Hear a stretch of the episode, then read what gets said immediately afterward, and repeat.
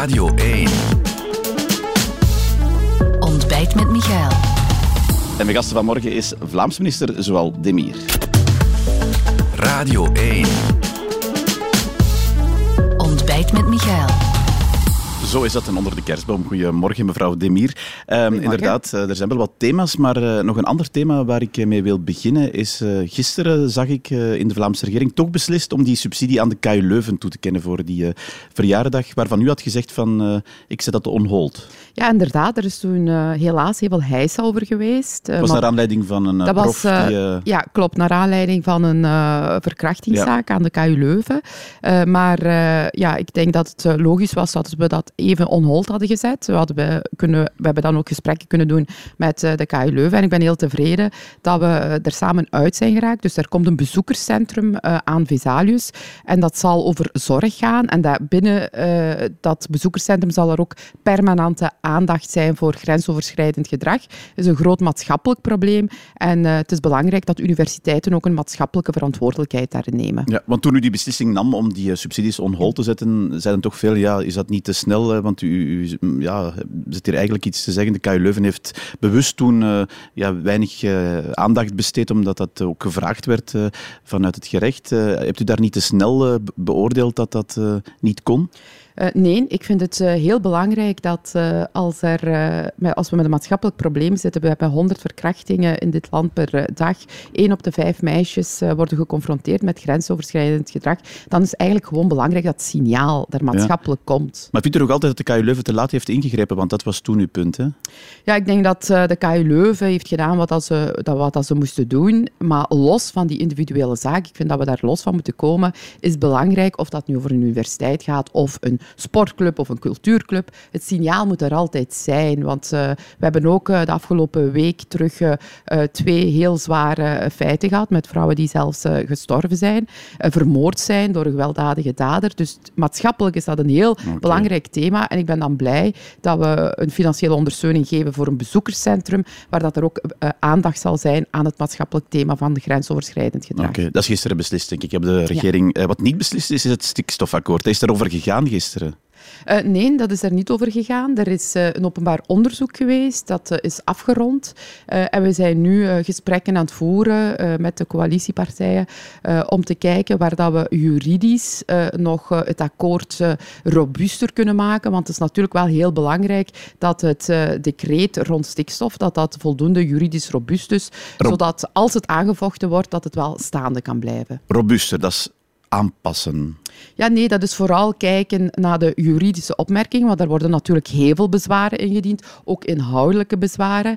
Maar uh, natuurlijk, als je het akkoord, uh, waar dat drie partijen uh, heel lang over onderhandeld hebben om de stikstofuitstoot naar beneden te brengen, om te vermijden dat we naar een vergunningstop gaan, om te vermijden dat we met onze welvaart spelen in Vlaanderen, ja, dan ga je, kan je moeilijk inhoudelijk grote aanpassingen doen. Want als je dat doet, dan ga je opnieuw een milieueffectenrapportage moeten maken, ga je opnieuw naar een openbaar onderzoek gaan. En dat betekent eigenlijk de facto dat je zegt van ja, laten we het uitstellen dat, uh, tot over de verkiezingen. En dat kan natuurlijk niet de bedoeling nee, zijn. Maar wat is dan de marge? U zegt robuuster maken, hè. Er, er, is, uh, er zijn procedures nu, er, er is dat beroep. Wat, wat is dan de marge daarvan?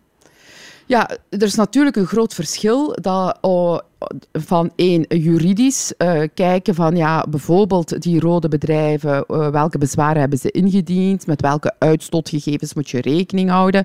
Dan bijvoorbeeld zeggen, ja, uh, de, de meststop die we overeengekomen zijn in, in 2028, ja, die vinden we inhoudelijk niet leuk, we gaan dat eruit halen. Ja, dat gaat niet, omdat dat ook allemaal berekend is door de VITO. Er is een scenario 8 berekend, die maatregelen zijn daarop op vastgeënt. Er is een milieueffect rapportage gebeurd, uh, er is een openbaar onderzoek. Dus als je nu dan zegt, ja, we gaan bepaalde onderdelen eruit halen of uitstellen, ja, dan betekent dat eigenlijk uh, zeggen van, ja, we gaan het over de verkiezingen tillen, want dan heb je weer een jaar nodig. En helaas hebben we die tijd niet, want ja, we zitten al met een energiecrisis. We moeten kost wat kost vermijden dat we naar een vergunningstop gaan, want een vergunningstop de facto betekent dat niks meer bouwen, geen industrie meer, geen KMO's ja. meer. En ik moet het u niet vertellen dat, het, dat we al al in heel moeilijke uh, tijden zitten. Ja, u weet natuurlijk dat uw coalitiepartner CD&V daar ja, toch vragen de partij is om dat misschien wel fundamenteler te herzien. Uh, kan daar een raakvlak gevonden worden in het wat u noemt robuuster maken van dat stikstofakkoord?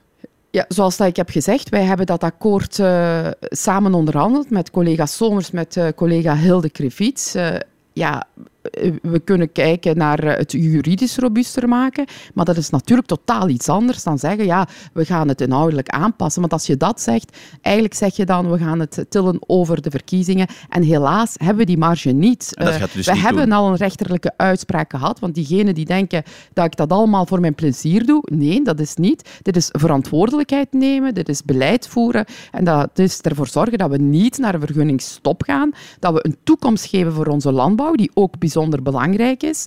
Uh, en dat we dat uh, met z'n allen samen met, uh, moeten doen met de coalitiepartijen. Wanneer moet er dat precies liggen, dat akkoord? Ja, liefst zo snel. Dus het akkoord is er. Dus nu, Ja, nu zijn we aan het kijken, ja, hoe, gaan we daar, hoe gaan we daarmee om met die bezwaren? Wat, hoe kunnen we het juridisch nog sterker maken? en dan is het wel de bedoeling om zo snel mogelijk naar het parlement te gaan. want de klok tikt. We hebben al een rechterlijke uitspraak gehad. de rechters gaan, daar zijn nog zaken op til. In Nederland uh, is er nog niet zo lang geleden een de facto uh, vergunningsstop gekomen voor de bouw. En dat zijn toestanden die ik gewoon als bevoegde minister ook wel wil vermijden in Vlaanderen. Ja, dus u zegt snel, dat is aan het voorjaar. Ja, ik ga mij niet uh, op een datum, dat is nooit verstandig. Maar ik denk dat uh, iedereen in de regering wel beseft uh, dat de urgentie er is. we hebben heel hard onderhandeld. er is heel lang over gesproken geweest met alle collega's. En nu denk ik dat we met z'n allen onze verantwoordelijkheid gaan moeten nemen om ervoor te zorgen dat de welvaart in Vlaanderen toch kan blijven. En dat we ook een antwoord bieden op heel het vergunningsverhaal. Ja, u hebt net gerefereerd aan die vergunningsstop in, in Nederland. Hè. Nederland gisteren die beslissing om twee nieuwe kerncentrales te bouwen vlak bij de grens met uh, Vlaanderen in Borselen. U, u moet daar uh, vanuit uw bevoegdheid uh, ook een, een advies over geven, begrijp ik het goed? Ja, ze gaan natuurlijk uh, een internationale milieueffectenrapportage moeten uh, doen. Dus Vlaanderen zal uh, ook uiteraard zijn inbreng daarover brengen. Maar natuurlijk tart het alle verbeelding, wat dat we deze week weer allemaal gezien hebben. Als het gaat over de energiebevoorrading, dat is een federale bevoegdheid. Dan heeft u voor ons eigen land. ja, Tine van der Straten is daarmee bezig. Er is altijd gezegd geweest van ja, maar ja, er gaat geen probleem zijn met de energiebevoorrading. U weet dat ik vanuit Vlaanderen daar al jaren naar vraag, van hoe zit het? Omdat ik ook wel vond dat die cijfers allemaal niet uh, uh, klopten. Ja, en deze week stonden toch wel op alle voorpagina's dat we het misschien niet wisten de komende zomers, de komende winters, excuseer, hoe dat het ging gaan met de energiebevoorrading. En als je dan ziet dat de wet op de kernuitstap er nog altijd is, we weten niet hoe dat die onderhandelingen lopen met Engie voor de verlenging Ja, want van dat de is wel de intentie natuurlijk om die te verlengen. Dat is natuurlijk wel de intentie. Op dat vlak is er wel initiatief genomen. Ja, een, een, eh, een intentie. Ondertussen wachten we natuurlijk wel al jaren. Hè. Eh, De federale collega's zijn eh, al heel lang aan het discussiëren, maar op, op dit moment ligt er niks op tafel. En als men het gaat verlengen, eh, als ik het goed begrijp, zou dat dan voor tien jaar zijn. Maar het probleem zal zich niet situeren in de winter van 25, maar wat daarna. Ik ben daarvan overtuigd. Vlaanderen is bevoegd voor hernieuwbare energie. Wind en zon, wij doen dat volle bak. Mhm. We staan in de top 5 in Europa. Maar als we willen voldoen aan de energiebevoorrading, in onze energiebehoeften, ja, dan kan je niet anders dan ook te kijken naar kernenergie. Dat is, eh, dat is proper, eh, dat is... wij hebben die know-how hier, ook in, in Vlaanderen, in Mol. En dat is ook de reden waarom dat ik deze week de gesprekken, eh, verkennende gesprekken heb gestart eh, met de Nederlandse regering om te kijken of dat we vanuit Vlaanderen ook eh, niet kunnen samenwerken met de komst van die nieuwe kerncentrales. Dus u bedoelt dat Vlaanderen mee participeert in die kerncentrales die gisteren vergund zijn? Uh, nee, dus uh, gisteren hebben ze beslist dat er twee nieuwe kerncentrales gaan komen. Uh, het, het, start, dus zowel de milieueffectenrapportage, waar dat Vlaanderen zijn inbreng zal over doen, en ze gaan ook kijken, ja, hoe gaan we dat financieren? Ja, het ligt over de grens. het is een win-win, denk ik, voor Vlaanderen. Vlaanderen investeert ook in het buitenland, allee, als we kijken naar hernieuwbare energie ik vind dan ook, ik ben niet bevoegd voor uh, kernenergieproductie, maar ik vind wel, als het gaat over de energiebevoorrading en op lange termijn, want nogmaals, als we spreken over, uh, ja, we gaan uh, verkennende gesprekken starten met de Nederlandse collega's, ja, dan is het vooral kijken voor na 25, lange termijn, hoe gaan we voldoen aan onze energiebehoeften. Ja, maar heel concreet zegt u, Vlaanderen zou misschien kunnen participeren, ook financieel dan, in de bouw van die kerncentrales. Ja, wij financieren nu ook in andere zaken, dus sta mij toe om nu de verkennende gesprekken te starten met Nederland, om te kijken hoe dat we uh, kunnen samenwerken. Ja, het kan onder verschillende vormen zijn. Het kan ook gaan over een, inderdaad een, een, een, financiële samenwerking. Maar ik vind het wel heel belangrijk dat we vanuit Vlaanderen, als, als Nederland, dat, is onze, dat zijn onze buren, uh, zij zijn slim genoeg, hè, zij zijn daarmee bezig, zij zijn bezig met de energiebevoorrading. Zij kiezen ook uh, heel slim met een liberale premier en ook een D66 toch ook in die regering voor een propere vorm van uh, energie, kernenergie, uh, ja, dan denk ik dat het logisch is dat ik vanuit Vlaanderen de verkennende gesprekken, eh, gesprekken start om te zien hoe dat Vlaanderen daaraan kan ja, Maar wat is, uw, wat is uw, uw aanbod dan aan, aan hen precies?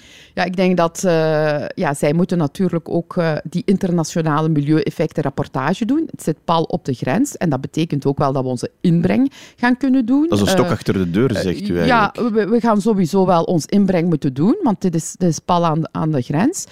maar nogmaals, ik vind dat we vanuit Vlaanderen ook moeten kijken. We moeten slim zijn, want ja, ik ga niet aan de kant blijven staan als ik zie hoe dat federaal Tine van der Straten omgaat met heel het verhaal rond de kerncentrale. Dit is de fout van de geschiedenis.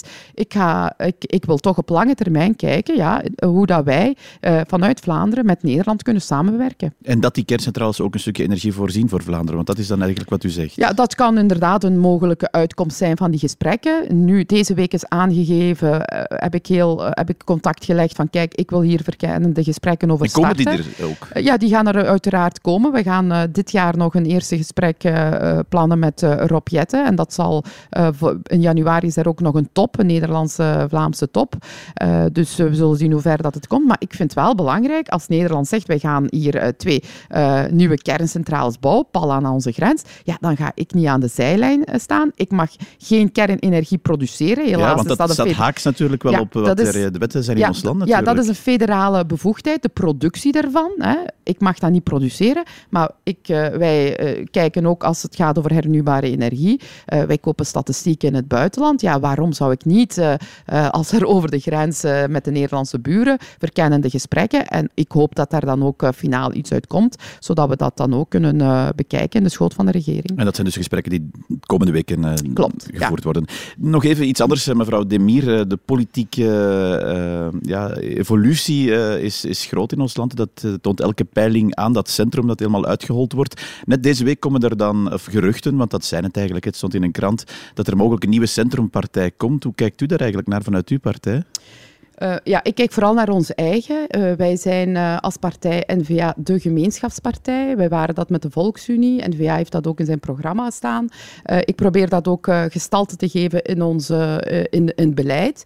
Dus op dit moment, er is een centrumpartij, er is een gemeenschapspartij in Vlaanderen. En wij moeten daarvoor zorgen... Maar zegt u nu, wij zijn die centrumpartij? Ja, wij zijn, wij zijn, dus, wij zijn de gemeenschapspartij. Maar u bent de centrumpartij, ah, ja, uiteraard. het staat ook in ons programma. Wij proberen op te komen voor uh, zoveel mogelijk Vlamingen. We hebben geen standen, we hebben geen zuilen. Uh, wij hebben goud in handen als partij, als gemeenschapspartij. En wij moeten daar gewoon ook voor zorgen om één, goed beleid te voeren Vlaams. En federaal collega's doen schitterend oppositiewerk. Kijk maar naar collega Sander Lones met, met de begroting. Kijk maar naar de collega's van Volksgezondheid die erop uit zijn gekomen dat Frank van den Broek geld heeft verbrand. Weliswaar figuurlijk, tientallen miljoenen rond uh, testmateriaal. Dus, uh, en wij moeten gewoon in 24 zor ervoor zorgen dat wij uh, de grootste partij zijn en dat we de lead nemen in het ja. vormen van de regering. Het is wat vreemd, want ik denk dat misschien vele van uw eigen partijgenoten zich meer ter rechterzijde van het politieke spectrum zouden zetten en niet als centrumpartij zich profileren. Ja, een, wij zijn een gemeenschapspartij en ik denk dat een gemeenschapspartij bij uitstek de partij is die ervoor zorgt dat de Vlaming, dat, dat, dat wij beleid voeren voor de miljoenen Vlamingen. En dat, we ook, dat die Vlaming ook zijn verantwoordelijkheid neemt binnen die gemeenschap. En als u mij vraagt van ja, wat is een gemeenschapspartij? Ja, dan denk ik toch wel dat we ook in het beleid, u ziet dat ook, of dat dat mijn beleid is, het beleid van Ben Wijts, dat we een beleid voeren voor, voor zoveel mogelijk Vlamingen. Ja, een slotvraag daarbij. Er was deze week, en trouwens ook in een interview in de krant Het Laatste Nieuws met uw voorzitter vandaag, toch wel wat te doen over, is dan een, een samenwerking met Vlaams Belang in 2024 aan de orde. Uw eigen voorzitter van Jong NVA zegt dat dat moet kunnen, die gesprekken aangaan. Wat, wat vindt u daarvan?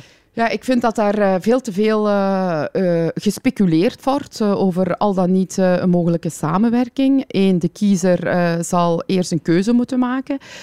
twee, um, zo, en ik, ik blijf dat ook zeggen, Sam van Rooij zit ook bijvoorbeeld in mijn commissie Leefmilieu. Wat dat die man daar allemaal vertelt, dat is flauwekul. Daar kan je geen beleid rondvoeren. En zolang dat figuren als Philippe de Winter, Dries van Langenhoven in die partij rondlopen en Tom van Grieken geen, geen geen proper, uh, daar geen uh, netheid in wil brengen, ja, dan lijkt het mij wel heel moeilijk om met zo'n partij beleid te voeren. In andere landen, bijvoorbeeld in Oostenrijk, heeft men daar al mee geëxperimenteerd. We hebben gezien tot wat dat had geleid. Ja, dus wat uw voorzitter van Jong N-VA zegt, daar staat u niet achter? Ja, dat, uh, ik ga, dat, is, dat zijn de woorden van, uh, van, uh, van onze jonge, onze, de voorzitter van okay. Jong N-VA. Maar het staat mij wel toe om te zeggen van één, de verkiezingen moeten komen. En zolang dat, ja, die figuren daar rondlopen, is het toch wel heel moeilijk om een beleid te voeren voor de Vlamingen. En uw partij moet zich daar als centrumpartij profileren, begrijp ik. En dus u gaat die gesprekken met Nederland ook gaan gaan. Dat is toch het nieuws van dit gesprek. Bedankt voor dit ontbijtgesprek, mevrouw de Meer. Dank u wel. Dit was Ontbijt met Michael, een podcast van Radio Radio 1. Ontdek nog meer podcasts van Radio 1 in onze app en op radio1.be.